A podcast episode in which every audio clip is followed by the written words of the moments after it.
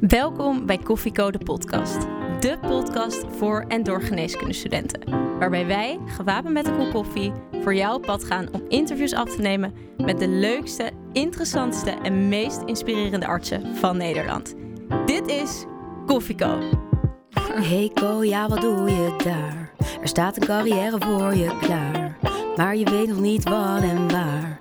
Een cappuccino maakt het minder zwaar. Dus zet je volumeknop omhoog. Want je luistert Koffie Co en je weet het zo.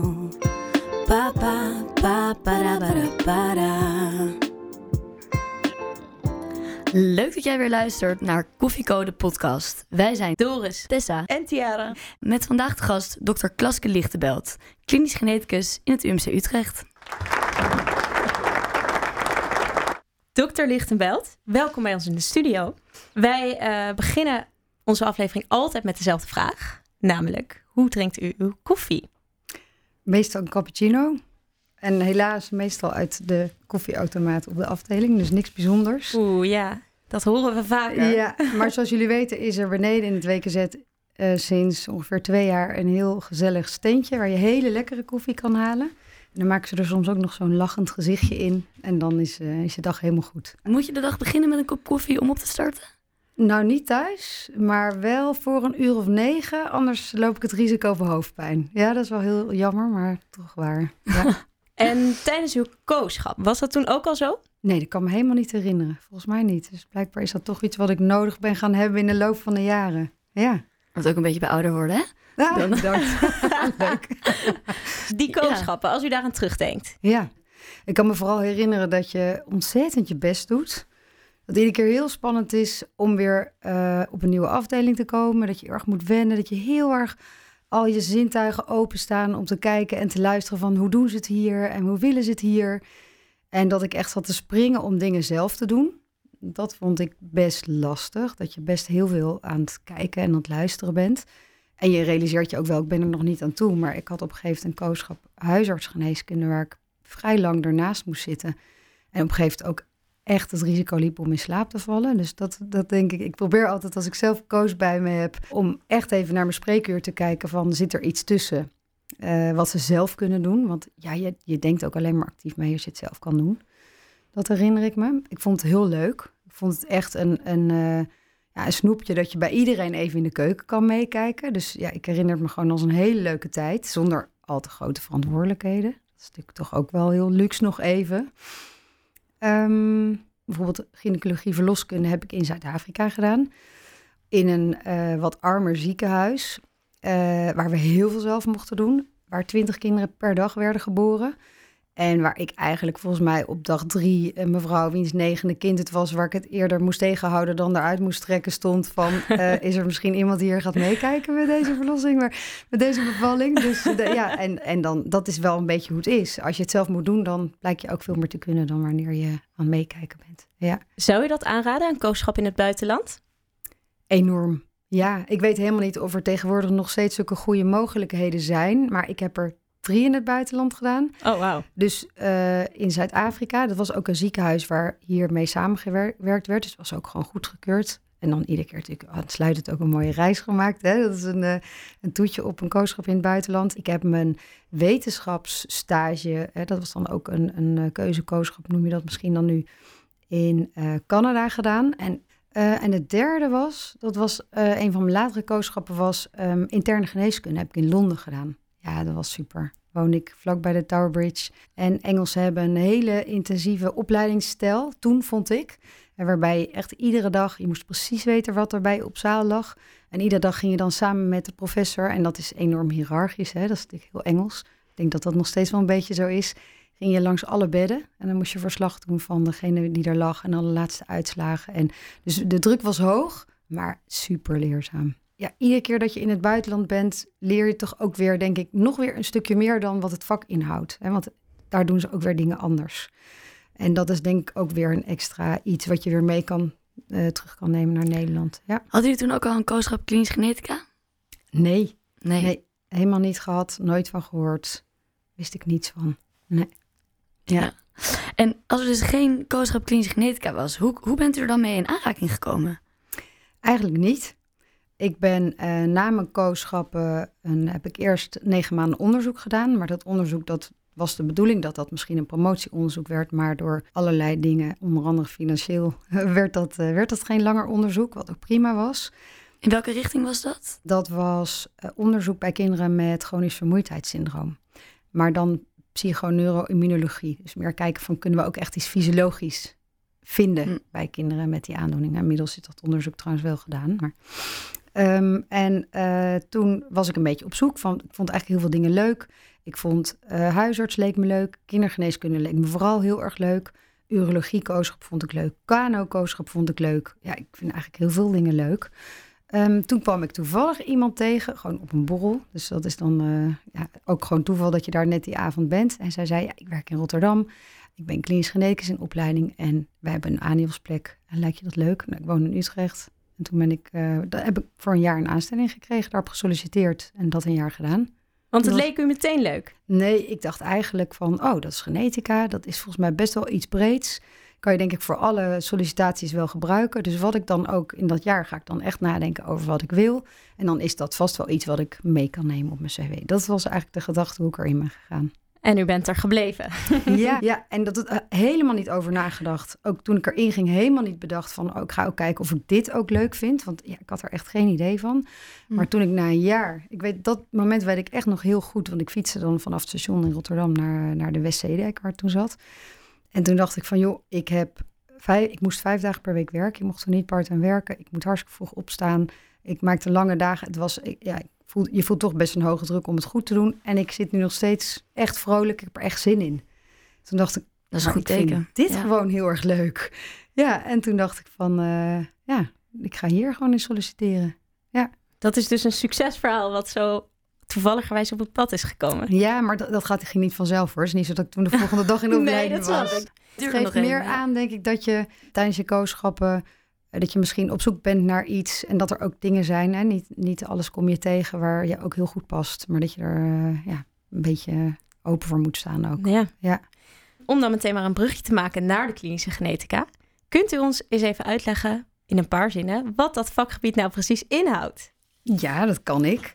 Nou, het is een uh, heel breed vakgebied met heel veel uh, subspecialismen. Maar ik denk dat voor iedere subspecialist binnen de klinische genetica wel geldt dat je diagnostiek doet, uh, mensen met erfelijke ziekte in de familie, of ze hebben het zelf, kinderen met aangeboren afwijkingen. Um, je werkt eigenlijk altijd in een universitair centrum. Hè. Klinische genetici werken niet perifeer. Um, en binnen de patiëntenzorg doe je dus vooral diagnostiek. Wat betekent het? Uh, wat is de prognose? Hoe kan je dat behandelen? Je werkt heel veel samen met andere specialisten. Dus heel multidisciplinair. Ja. Leuk, mooie samenvatting.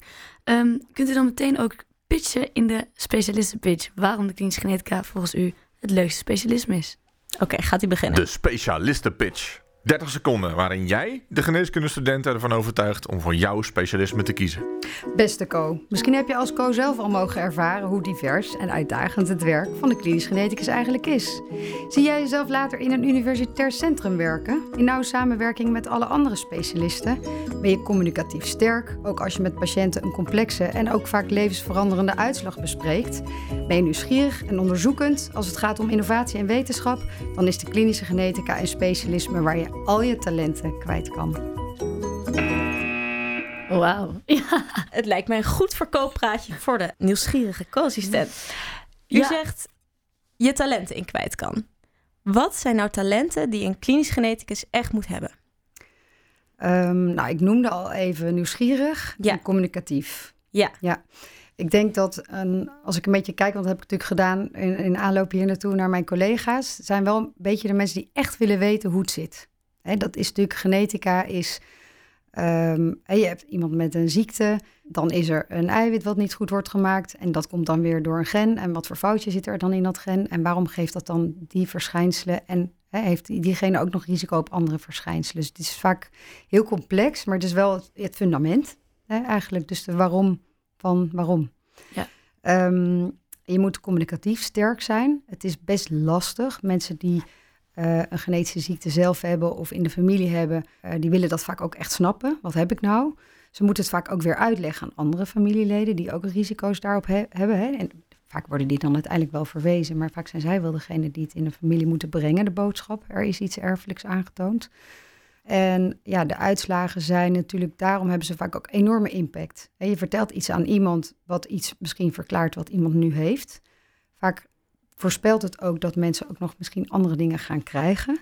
En daarna vertel je ook nog, oh ja, en voor uw kinderen hè, of eh, voor uw broers en zussen is dat ook nog iets wat zou kunnen gaan spelen. Dus ja, je laat, vaak, je, je, je laat echt een bommetje vallen. Als je, ja, het zijn wel ingrijpende gesprekken. Ja. Hoe, hoe, vliegt, hoe vliegt u dat aan? Hoe, hoe ga je daar in? Ja. Ehm, je bedoelt, hoe breng je het nieuws? Ja, het zijn best wel slecht nieuwsgesprekken vaak. Ja. Nou, je hebt vaak mensen natuurlijk al gesproken. En je hebt mensen ook al verteld waarom je het onderzoek gaat inzetten. Uh, hoe breder het onderzoek is wat we doen, hoe meer we ook moeten vertellen wat voor soorten uitslagen er zijn. Dus dan vertel je ook iets over wat de betekenis daarvan kunnen zijn. Maar dan nog valt het soms best tegen. Ja, het feit is er. Ik vertel het heel snel als ik mensen spreek. Als je ze uit de wachtkamer haalt, niet onderweg vertellen hoe de reis was of dat soort dingen. Gewoon echt zitten. Mensen kijken je aan al als je ze uit de wachtkamer haalt, proberen al te lezen. Van wat, zien ze het al aan uw gezicht dan vaak? Nee, nee, dat zien ze niet. Nee.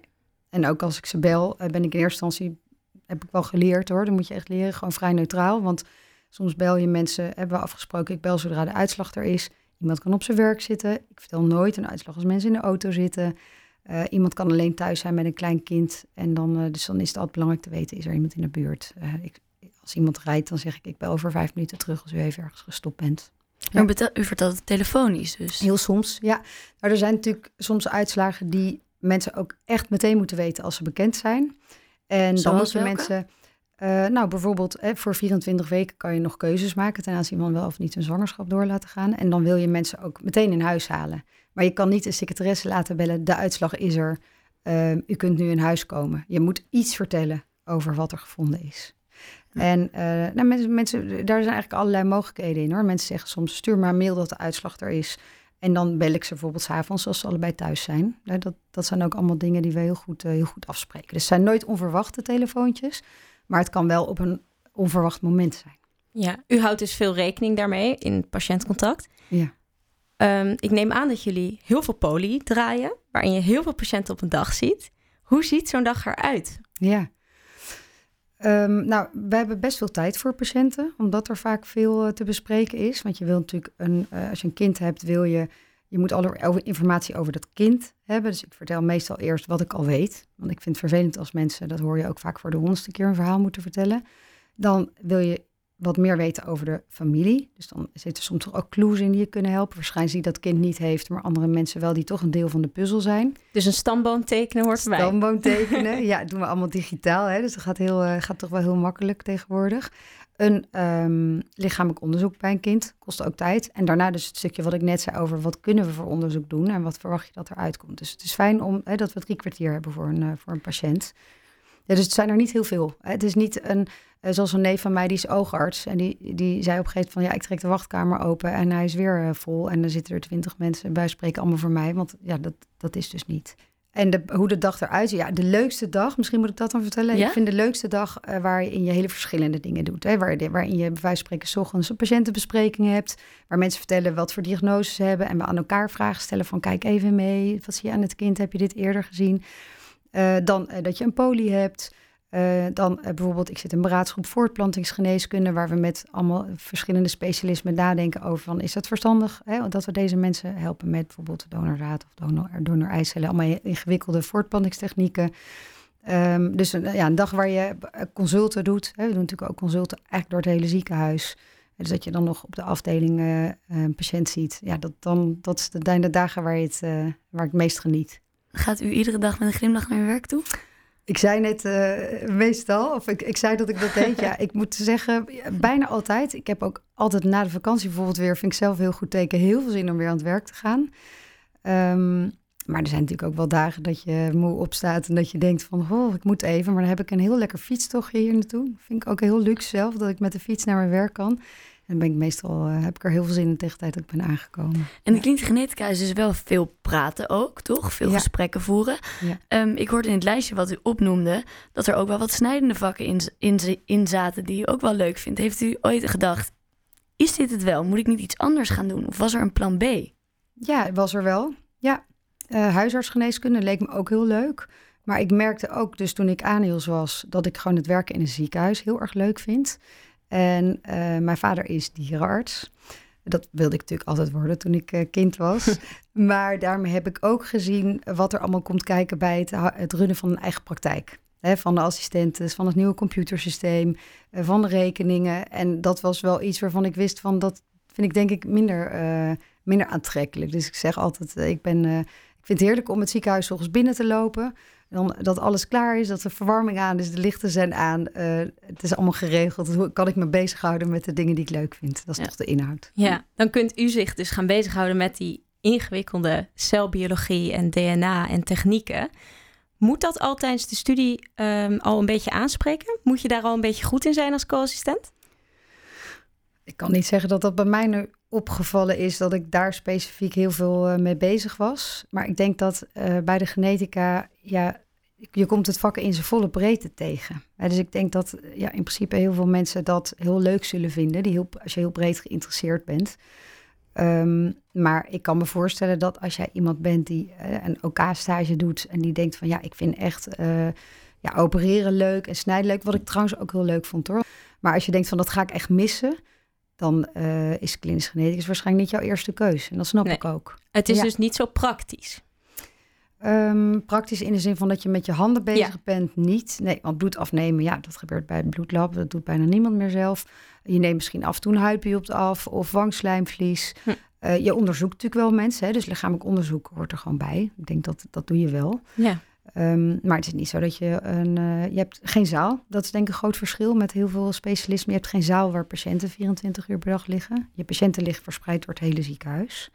En uh, veel op de verloskunde. En doen ook spreekuren samen. Dat is ook heel erg leuk. Dat doen we nu een paar jaar. Dus samen met de gynaecoloog zien we mensen die zwanger zijn en een verhoogd risico hebben op een kind met een genetische aandoening. En dan leer je van elkaar. En dan zeggen mensen ook echt op het moment dat ze de deur uitgaan van wat fijn dat jullie er samen waren. Want nu heb ik op al mijn vragen antwoord. En ja, die lopen dan echt gewoon tevreden naar buiten. Uh, ja. Multidisciplinair dus. Heel multidisciplinair, ja. ja. Hebben jullie ook diensten? Uh, ja, we hebben ook diensten, maar dat is natuurlijk meer in de als je geen bedden hebt, hè, dan heb je ook niet, hoef je ook niet de hele dag op te letten hoe het met ze gaat. En dat zijn dan dus bereikbaarheidsdiensten. Dus ik heb net bijvoorbeeld een week en een weekend gehad, waarbij uh, nadat de afdeling dicht is, jouw uh, telefoonnummer bij, ja, dat jij kan gebeld kan worden. Er zit trouwens ook altijd een voorwacht voor, er staat een assistent tussen. dus dat is ook heel luxe. En ook in het weekend. En dat, ik moet zeggen, nou, daar komen vaak vragen als, er is nu een kindje geboren, we denken dat het down heeft, wat voor materiaal moeten we afnemen, hoe snel kan de uitslag er zijn? Um, uh, er is een, iemand binnengekomen met een jong iemand op het sportveld met een hartstilstand. Um, uh, ja, wat voor materiaal moeten we hebben? Uh, ook hè, weer om te kijken, is het genetisch? Dus dat soort vragen. En dan komen we vaak maandag wel op consult, dus hoef je vaak niet in het weekend te komen. Maar eigenlijk, bijna alle kinderen die geboren worden waar wat mee is, die kennen we al die mensen heb ik al, die ouders heb ik al gesproken tijdens de zwangerschap. Bijna iedereen doet een echo. Kunnen jullie aan uiterlijke kenmerken ook al een goede inschatting maken van welke kant je moet gaan zoeken in het DNA? Ja, ja dat is eigenlijk ook gewoon echt nodig. Als je natuurlijk heel breed naar het DNA gaat kijken, dan ga je heel erg veel vinden. Maar dan heb je geen idee of dat ook de oorzaak is. Dus je moet er ook iets in stoppen voordat er een goed antwoord uitkomt. En dat geldt zeker nu de genetische diagnostiek steeds breder is geworden. Dus een goed fenotype, dus wat is er nou eigenlijk te zien aan dat kind? Hoe, als het geboren is, is het slap of eh, hoe gedraagt zich? Heeft het voedingsproblemen? Wat zie je eraan? Dat is echt een manier van kijken die je echt moet leren. In het begin zie je het gewoon niet. Daar moet je veel gezonde kinderen voor hebben gezien, maar ook gezien hebben van hoe ziet het er dan uit als zo'n kind zo'n gendefect heeft. Uh, dat helpt enorm om ook uit dat DNA-onderzoek het goede antwoord te, te krijgen. Ja. Het zelfs dat u over straat loopt en dat u denkt, dat moet een enorm. En dan moet ik echt mijn mond houden. En uh, zelfs zo erg dat mijn man op een gegeven moment zei... toen we, ik geloof, in een dierentuin ergens liepen... dat hij zei van, ja, ik ga met jou... en met de kinderen natuurlijk echt niet meer naar dierentuin... want jij hebt nu alweer vijf diagnoses gesteld. En ik was ook. er is zo ontzettend veel. Dat is ook het leuke van mijn vak, vind ik. Er is zoveel te zien als je naar mensen kijkt. Ik hou heel erg van mensen, dus dat maakt denk ik ook dat ik het leuk vind. Maar ja, je kan zo. eh, in iedere dierentuin kan je veel dieren zien, maar ook een heel aantal diagnoses stellen bij de zeggen, mensen die op bezoek komen. De dieren worden niet ook nog eens erbij gediagnosticeerd. eh, Nee, eigenlijk. Oké, nee. Nou ja, goed. eh, veel eh, genetische of gendefecten bij mensen zijn misschien ooit wel eerst beschreven bij, eh, bij een muis. Het fenotype van een muis lijkt misschien wat minder op eh, een mens. Ja, daar moet je wel mee oppassen. Dat je dat niet direct één op één gaat. Ja. Ja, ja precies. Ja. De samenwerking waar we het net over hadden. Ehm, wij hebben ons natuurlijk een beetje ingelezen. En voor uw vakgebied klinische genetica bestaan databanken, internationale samenwerkingsverbanden om natuurlijk de zeldzaamste syndromen ook te kunnen herkennen. Die je misschien zelf als ervaren klinisch geneticus ook nog nooit hebt gezien. Klopt. Hoe gaat dat? Dat gaat fantastisch. Dat gaat echt ontzettend goed. Een jaar of zeven geleden zeiden we tegen elkaar van ja, we moeten echt gaan samenwerken. En het zou zo mooi zijn als er een database was. Nou, inmiddels zijn die er en we kunnen elkaar over de hele wereld vinden. En dan moet je je echt heel praktisch voorstellen hoe dat gaat. Ik heb er eh, recent weer een heel goed voorbeeld van. Ik zag een vrouw in een instelling met een, dat ik dacht, dit is een syndroom. Eh, en eh, waarom zag ik haar? Omdat zij een broer en een zus had, gezonde broer en zus die kinderwens hadden. En die zich afvroegen, is dit iets genetisch? Hebben wij er ook meer kans op? Nou, dan werd in dit geval, had ik niet een specifiek idee, hebben we whole exome sequencing gedaan. En daar kwamen twee eh, nieuw ontstaande letterveranderingen. Dus twee mutaties noem je het dan nog niet, want je weet nog niet zeker of het echt iets doet. Maar twee, letterveranderingen in twee genen uit. Nou, toen met die ouders besproken, dit gen kennen we nog niet. Die letterverandering hebben we nooit eerder gezien. Voor zover ik nu kan zien, is er in de medische literatuur niemand die dat heeft. En nu is het een half jaar later. En dan kan je dus via die gene matcher, kan je als met toestemming van die mensen natuurlijk, het gendefect en de, het fenotype. Dus een algemene beschrijving van wat zie je nou aan haar, wat heeft zij erin stoppen. En nu hebben we 13 mensen en het lijkt enorm op elkaar. En iemand in Amerika is er een publicatie over aan het maken. En is het gewoon opgelost. Dus Misschien wel een nieuw syndroom dus. En nieuw, ja, zeker. Ja. alleen worden syndromen dan niet meer nu eh, met name genoemd, maar is het hè, dat gen. In ieder geval over een maand of drie, als de arts in Duitsland ook iemand vindt en met, een gen, met dat gen, die haalt dan uit met die publicatie en dan is het al bekend. Ja. Dus dat gaat echt razendsnel. Het is Ja. echt een groeiend specialisme. Er is nog veel te ontdekken. Ehm, zijn er genoeg banen ook voor alle klinisch genetici? Dat was iets wat ehm, op een gegeven moment hoog op de agenda stond. Er, ook al worden er maar negen eh klinisch genetici per jaar in, eh, in opleiding genomen. Toch was er op een gegeven moment zorgen over. Want je mag natuurlijk niet... We zitten alleen maar in academische ziekenhuizen, dat zei ik al. Maar je mag niet steeds groeien met je FTE's. Dus daar waren zorgen over en die zijn eigenlijk onterecht gebleken. Want eh, we zijn gewoon hard nodig. Een FTE betekent dat je fulltime werkt. Dus Oh. één FTE is iemand die vijf dagen per week werkt. Ja. En de meeste mensen werken vier dagen. Ehm, dus dat is wel iets waar zorgen over waren. En nou, inmiddels is, eh, is, heeft iedereen een baan. Ook de mensen waar het misschien wat lastiger was. En die Ja. negen opleidingsplaatsen bedoelt u dan over het hele land of alleen in Utrecht? Over het hele land. Oh ja, Ieder jaar. Dus in ieder jaar is er in ieder centrum één opleidingsplaats. dat is en best wel weinig. Eentje Ja. krijgt er twee. En eh, hoe ziet de opleiding eruit? Eh, vier jaar, waarbinnen je breed wordt opgeleid. Dus waarbinnen je zelf erfelijkheidsadviezen, noem je dat dan. Hè, waarbij je dus zelf patiënten ziet binnen alle verschillende specialisaties. Maar ook een aantal keuzestages doet. En eh, steeds meer, ik denk dat dat voor de meeste specialismen geldt, dat je ook een, eh, aan het eind van je opleiding je ja, een beetje een richting gaat kiezen. Want er zijn nogal wat richtingen. Om Welke, welke zijn er allemaal? Het is een droomdiagnostiek. Eh, dus waarbij je vooral kinderen ziet met combinatie van aangeboren afwijkingen, bijzondere uiterlijke kenmerken, verstandelijke beperking. Ehm, de prenatale diagnostiek, waarbij je dus zwangerschappen ziet waar iets mis is of waar een verhoogd risico is, eh, voor zwangere vrouwen. Dan is er heel groot is de oncogenetica. Hè, kinderen met kanker, daar spelen natuurlijk ook vaak genetische oorzaken een rol, maar ook bij volwassenen. Ehm, cardiogenetica geldt hetzelfde voor, is ook heel groot. En er zijn nog een heel aantal kleinere gebieden. Dus, en er is er bijvoorbeeld twee mensen die heel veel van skeletisplezieën weten. Een collega die heel veel van oftalmogenetica weet, die bijvoorbeeld ook spreker doet in Bartimeus. Eh, dat is misschien ook goed om te weten. We doen bijna allemaal ook spreekuren in omliggende ziekenhuizen. Dus in Diak, in Tantonius. Dus eh, ja, heel... eh, Dus dan stapt u op de fiets of in de auto en dan gaat u naar een, naar een buitenpolie, heet het naar een buitenpolie, naar een ziekenhuis of naar een instelling. ik werk zelf in, doe ik af en toe poli in Sherpa, Baarn. En dat is, Wat is dat? ontzettend leuk. Een dat is een instelling. waar mensen wonen. En allemaal verschillende huizen. Aan de gelang wat ze voor zorg ze nodig hebben. Wat voor verschijnselen ze hebben. En de AVG-arts of de huisarts daar, die hebben af en toe mensen waar, ja, waar ze echt tegen dingen aanlopen. Van hè, bijvoorbeeld laatst een, een een-eigen tweeling met heel ernstig autisme. Met enorme gedragsproblemen. Waar ze echt ja, zoiets hadden van als we nou de oorzaak weten. Kunnen we misschien ook contact maken met ouders van andere kinderen met dezezelfde oorzaak. Misschien zijn er nog specifieke dingen die zij geprobeerd hebben, die we ook kunnen proberen, kunnen inzetten.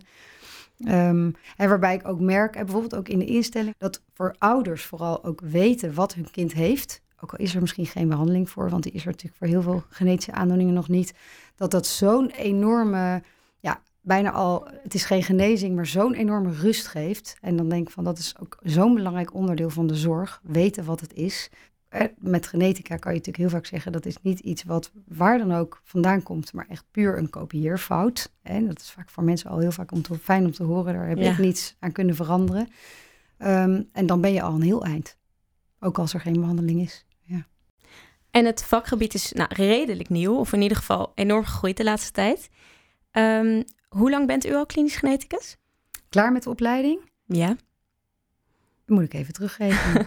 Eh, ik denk 2006, kan dat? Ja, zoiets. Ja, dus Ja. nou, Best lang. best ik vind wel lang. mezelf al best Ja, ervaren. Ja. Heeft u nou ook gemerkt dat het imago van een klinisch geneticus veranderd is?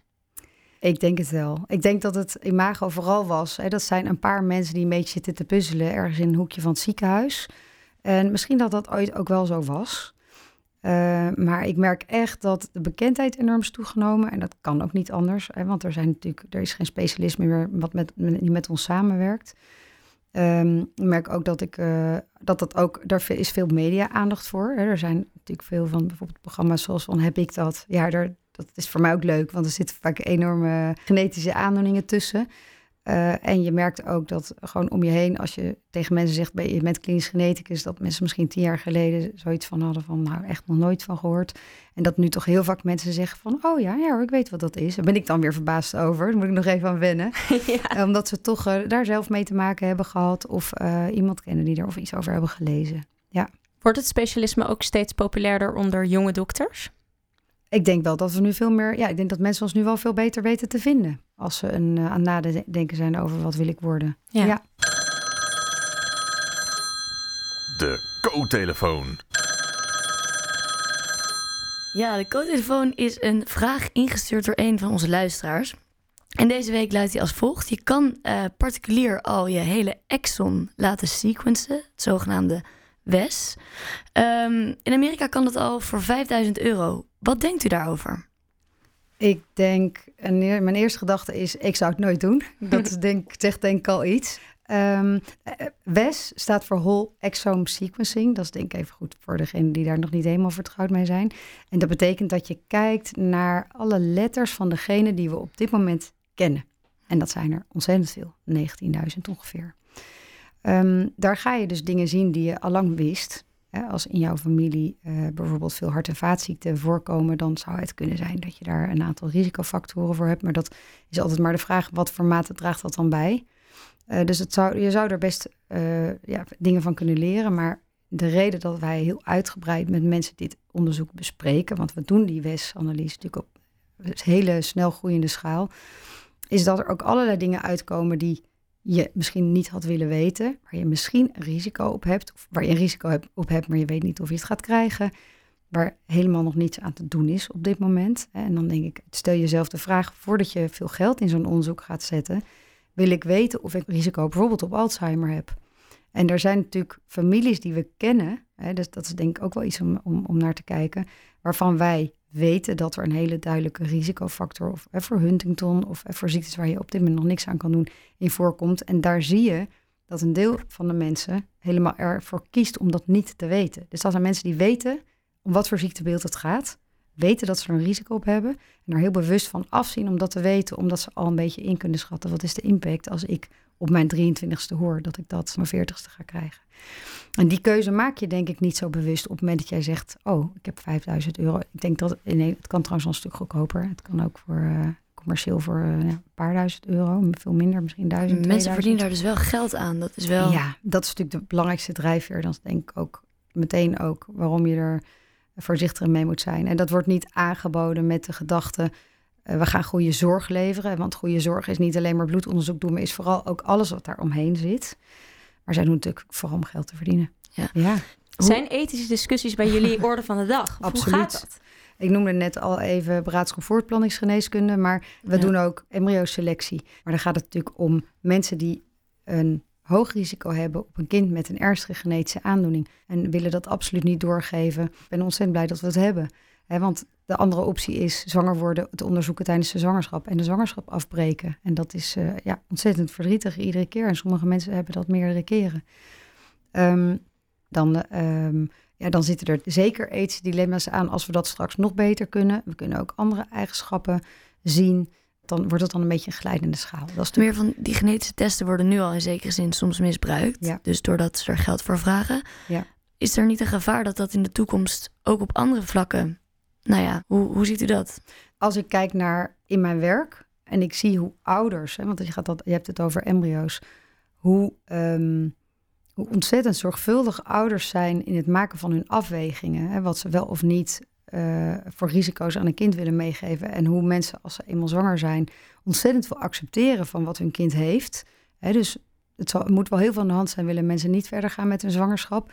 Dan ben ik wat dat betreft er niet zo bang voor. Als je het hebt over bijvoorbeeld de Chinese onderzoeker die graag als eerste degene wil zijn die iets doet, eh, dan is dat denk ik wel iets waar we heel erg alert op moeten blijven, met elkaar afspraken over maken. Die worden deels ook gemaakt. En moet ik heel eerlijk zeggen dat als dan dit weekend in de krant staat van het is niet gelukt om het homogen te vinden, dat ik dan toch heel erg blij ben dat dat niet gelukt is. Soms moet je ook vooral heel erg blij zijn dat dingen niet gelukt zijn. Gaan ze er naar op zoek? Ja, hebben mensen naar gezocht. Ik zou er zelf niet aan hebben willen meewerken. De eh, onderzoekers hebben daar wel hele goede, vinden ze zelf, argumenten voor om dat wel te onderzoeken. Maar ehm, dat is natuurlijk iets waarvan je weet dat als je het wel zou kunnen onderzoeken. Kijk, de techniek embryoselectie kan overal. Dat er zeker ook landen zullen zijn waar mensen daarop zouden Gaan willen selecteren, Omdat ze het ja. als een ziekte zien. En dat is natuurlijk, eh, de definitie van wat is een ziekte is natuurlijk anders Ja. eh, tussen, ja, tussen landen, en tussen mensen. Tussen Ja. mensen lopen de discussies misschien al hoog op. Gebeurt dat vaak bij jullie op de... Nou, niet op de afdeling. Tussen de stafleden onderling? Ehm, nee, want ik denk niet omdat we het altijd met elkaar eens zijn hoor. Maar er zijn af en toe echt wel. eh, degene die de patiënt heeft gezien, vertelt natuurlijk meestal wat het dilemma is. Dus dat is toch wel degene die het het beste kan inschatten. Maar je vraagt natuurlijk niet voor niets advies. En je vraagt advies omdat je er zelf over twijfelt. Ehm, en dan zijn er echt wel dat de ene zegt van ik zou A doen en de ander zegt ik zou B doen. Maar dan is het uite- uiteindelijk altijd zo van, maar jij bent degene die die mensen gesproken hebt. Dus jij kan waarschijnlijk het beste inschatten. En daar gaat het uiteindelijk om. Wat past bij deze mensen? Wat Ja. is de beste zorg? Voordat we eigenlijk doorgaan naar het meer persoonlijke gedeelte, is het misschien nog wel leuk om een patiëntverhaal te horen. Ehm, is er een patiënt die u altijd is bijgebleven? Ehm, ja, er zijn heel veel patiënten die me zijn bijgebleven. Maar ik denk dat een van de eh, patiënten was een mevrouw die maagkanker had. En daarmee opgenomen lag in het MCU. En op sterven lag. En zij was eigenlijk zelf degene, dit is echt al een jaar of tien geleden, die zei: Mijn zus heeft dit ook gehad. Eh, mijn jongste zus. Zou het niet erfelijk kunnen zijn? En waarbij zij zelf degene was. Ik wil dat je nu iemand belt die hier naartoe komt. Die daar voordat ik overlijd iets mee doet. Want ik heb twee dochters. En toen heb ik haar echt op een nippertje gezien. Op een nippertje bloed afgenomen. En haar dus zelf eigenlijk eh, helemaal niet meer uitgebreid gesproken. Maar eh, later kwamen haar dochters. En bleek dat een enorme familie te zijn. Met tien broers en zussen. Waarvan achteraf toen we de eh, gegevens gingen opvragen. Hun moeder, wat ze zelf niet eens wisten, ook aan maagkanker was overleden. En dat is een enorm verhaal geworden. Wat voor mij ja, enorm heeft laten zien hoe genetica in een familie ingrijpt. Niet alleen in, ziekte en gezondheid, want het, was op dat moment kon het aantonen. De een heeft het wel en dat heeft enorme complicaties. Dan kan je je maag laten weghalen. Heeft ook gevolgen voor je kwaliteit van leven. En de ander heeft het niet en die kan lekker doorleven en de kinderen daarvan ook. Maar ook hoe deze eh, ziekte ontzettend veel invloed had gehad op eh, het, eh, het wel en wee en de relaties in deze familie. Want omdat hun moeder jong was overleden, hadden de oudere kinderen voor de jongeren gezorgd in dat grote gezin. Dus ja, alle manieren waarop eh, genetica dan ingrijpt in het leven van al die mensen, En dan eh, is het ja, zo interessant om meerdere mensen uit zo'n familie te zien en ook die kant van het verhaal te horen. Dat was voor mij echt een, uh, ja, wel een eye-opener. Ik was toen nog in opleiding. Raakt u wel eens geëmotioneerd bij een, bij een patiënt? Ja, heel regelmatig, maar dat, dat zal je niet aan me zien. Nee? Nee, nee. ik denk altijd, uh, je hebt je hebt empathie en je hebt echt een meeleven. En ik denk altijd als patiënt is het fijn als je het idee hebt dat de arts begrijpt dat dat voor jou moeilijk is en daarmee ook de juiste dingen benoemt.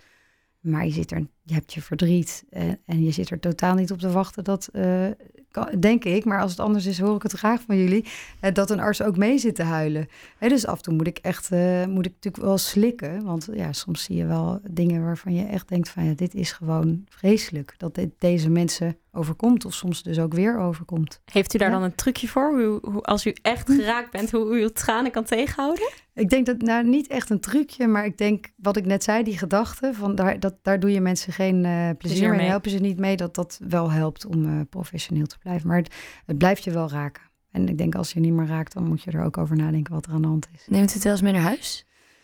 Er zijn zeker wel dingen waar je nog aan denkt als je thuis bent. Ik heb wel op een gegeven moment voor mezelf besloten, hè, toen ik op een gegeven moment echt een dag had gehad waarvan ik dacht van nou, dit, dit was gewoon te veel ellende op één dag uh, dat je toch een modus moet vinden om ermee om te gaan. heb bedacht van nou, de ellende is er. Hè, kijk, ik heb die, dat foutje in dat DNA niet gemaakt. Ik heb dat syndroom niet gemaakt. Ik heb die aangeboren afwijking niet veroorzaakt. Dus wat ik kan bijdragen is hè, om in de situatie die er is, uh, mensen zo goed mogelijk te helpen met een diagnose, een prognose. Wat zijn de mogelijkheden, wat zijn de onmogelijkheden? En dat maakt het, uh, ja, dat is voor mij een goede manier om daarin te blijven werken. U doet natuurlijk als subspecialisme prenatale diagnostiek. Ja. En misschien is het dan leuk om heel eventjes te hebben over de NIPT-test, omdat dat best wel iets nieuws is binnen de geneeskunde. Hoe denkt u daarover dat dat nieuw is ingevoerd?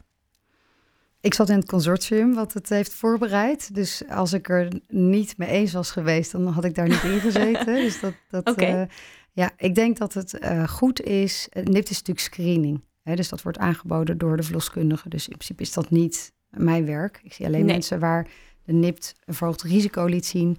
Ehm, en waar het ook echt zo blijkt te zijn. Of waar er een nevenbewinning is. Dat zijn mensen die echt dus een, iets met een van de andere chromosomen. Niet 13, 18 of 21. Dat zijn natuurlijk vaak hele zeldzame dingen. En dan is het ja, lastig voor de verloskundige.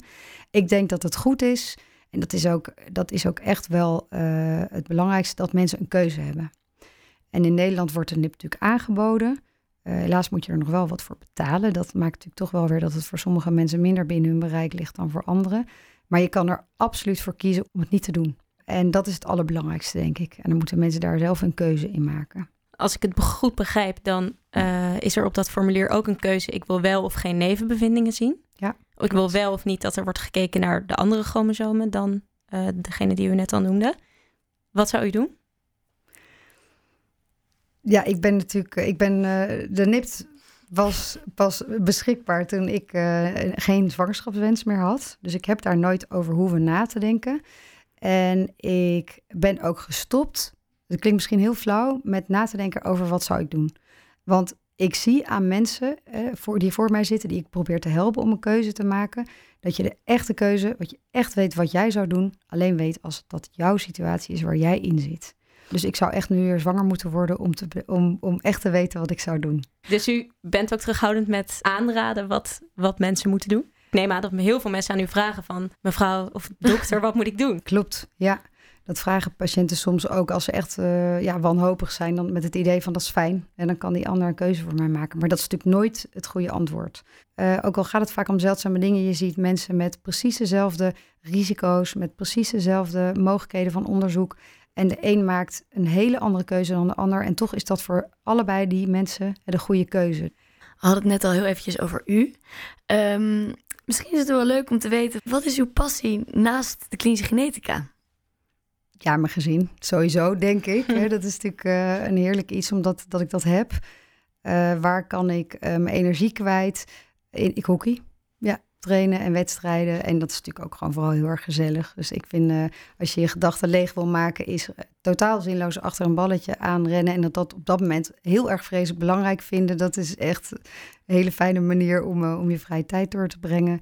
Betekent ja. weinig diensten ook veel vrije tijd? Ja, ik denk dat dat wel enorm helpt. Ja, het geeft wel meer ritme aan je leven, waardoor je makkelijker afspraken kan maken. En ehm, ja, waarschijnlijk toch wel iets meer tijd hebt voor eh, hobby's. Het is wel een Ja. planbaar beroep. Ten omwille van de tijd moeten we door naar het doktersdilemma. En in het doktersdilemma stellen we u steeds twee vragen of twee opties. En dan moet u zo snel mogelijk antwoord geven. Het doktersdilemma. Het leven bestaat soms uit lastige keuzes. Denk niet te lang na en geef snel antwoord. Een zomerse cocktail of een winterse glühwein? Zomerse cocktail. Neuroloog of anesthesioloog? Neuroloog. DNA of RNA? DNA. Taken uitbesteden of liever alles zelf in de hand? Toch liever zelf doen. Een weekend naar een congres met collega's of een weekend weg met vriendinnen? Absoluut, met vriendinnen een weekend weg. Allemans vriend of streng, doch rechtvaardig? Nee, ik ben meer een allemans vriend. Whole genome sequencing of FISH? Whole genome sequencing. Een kookboek of een reisgids? Reisgids. 100 ongelezen mails of alles meteen beantwoord? Ik zit er denk ik ergens tussenin. In de spotlight of op de dansvloer of aan de bar met een kaartspel? Nou, wel aan de bar, maar niet met een kaartspel. Nou, kijk hoor. zo maar- leren we je toch alweer beter kennen Ja. door die snelle vragen. En ehm Allemans vriend? Nee, ik, ben geen, ik moest kiezen, hè? Ik Ja. moest Ja. kiezen. Allemans vriend klinkt niet heel... Zou ik, zou ik mezelf zeker niet typeren. Maar ik kan wel met eh, heel veel verschillende soorten mensen omgaan. Dat vind ik ook leuk. Ja, Ja. leuk. Oké, Dan zijn we nu denk ik echt aan het einde gekomen van deze podcast en deze aflevering. eerst nog één dingetje. Jazeker, natuurlijk. Namelijk de tip voor de co-assistent. Ja. Heeft Ja. die? Nou, wat jullie, hè, waar we het buiten de podcast al even over hadden, over eh, de red race en moeilijk om te kiezen. Eh, ik denk dat als ik het van mijn kant nu bekijk, en ik zit natuurlijk al een, een tijdje aan deze kant, denk ik uiteindelijk, natuurlijk je cv is belangrijk.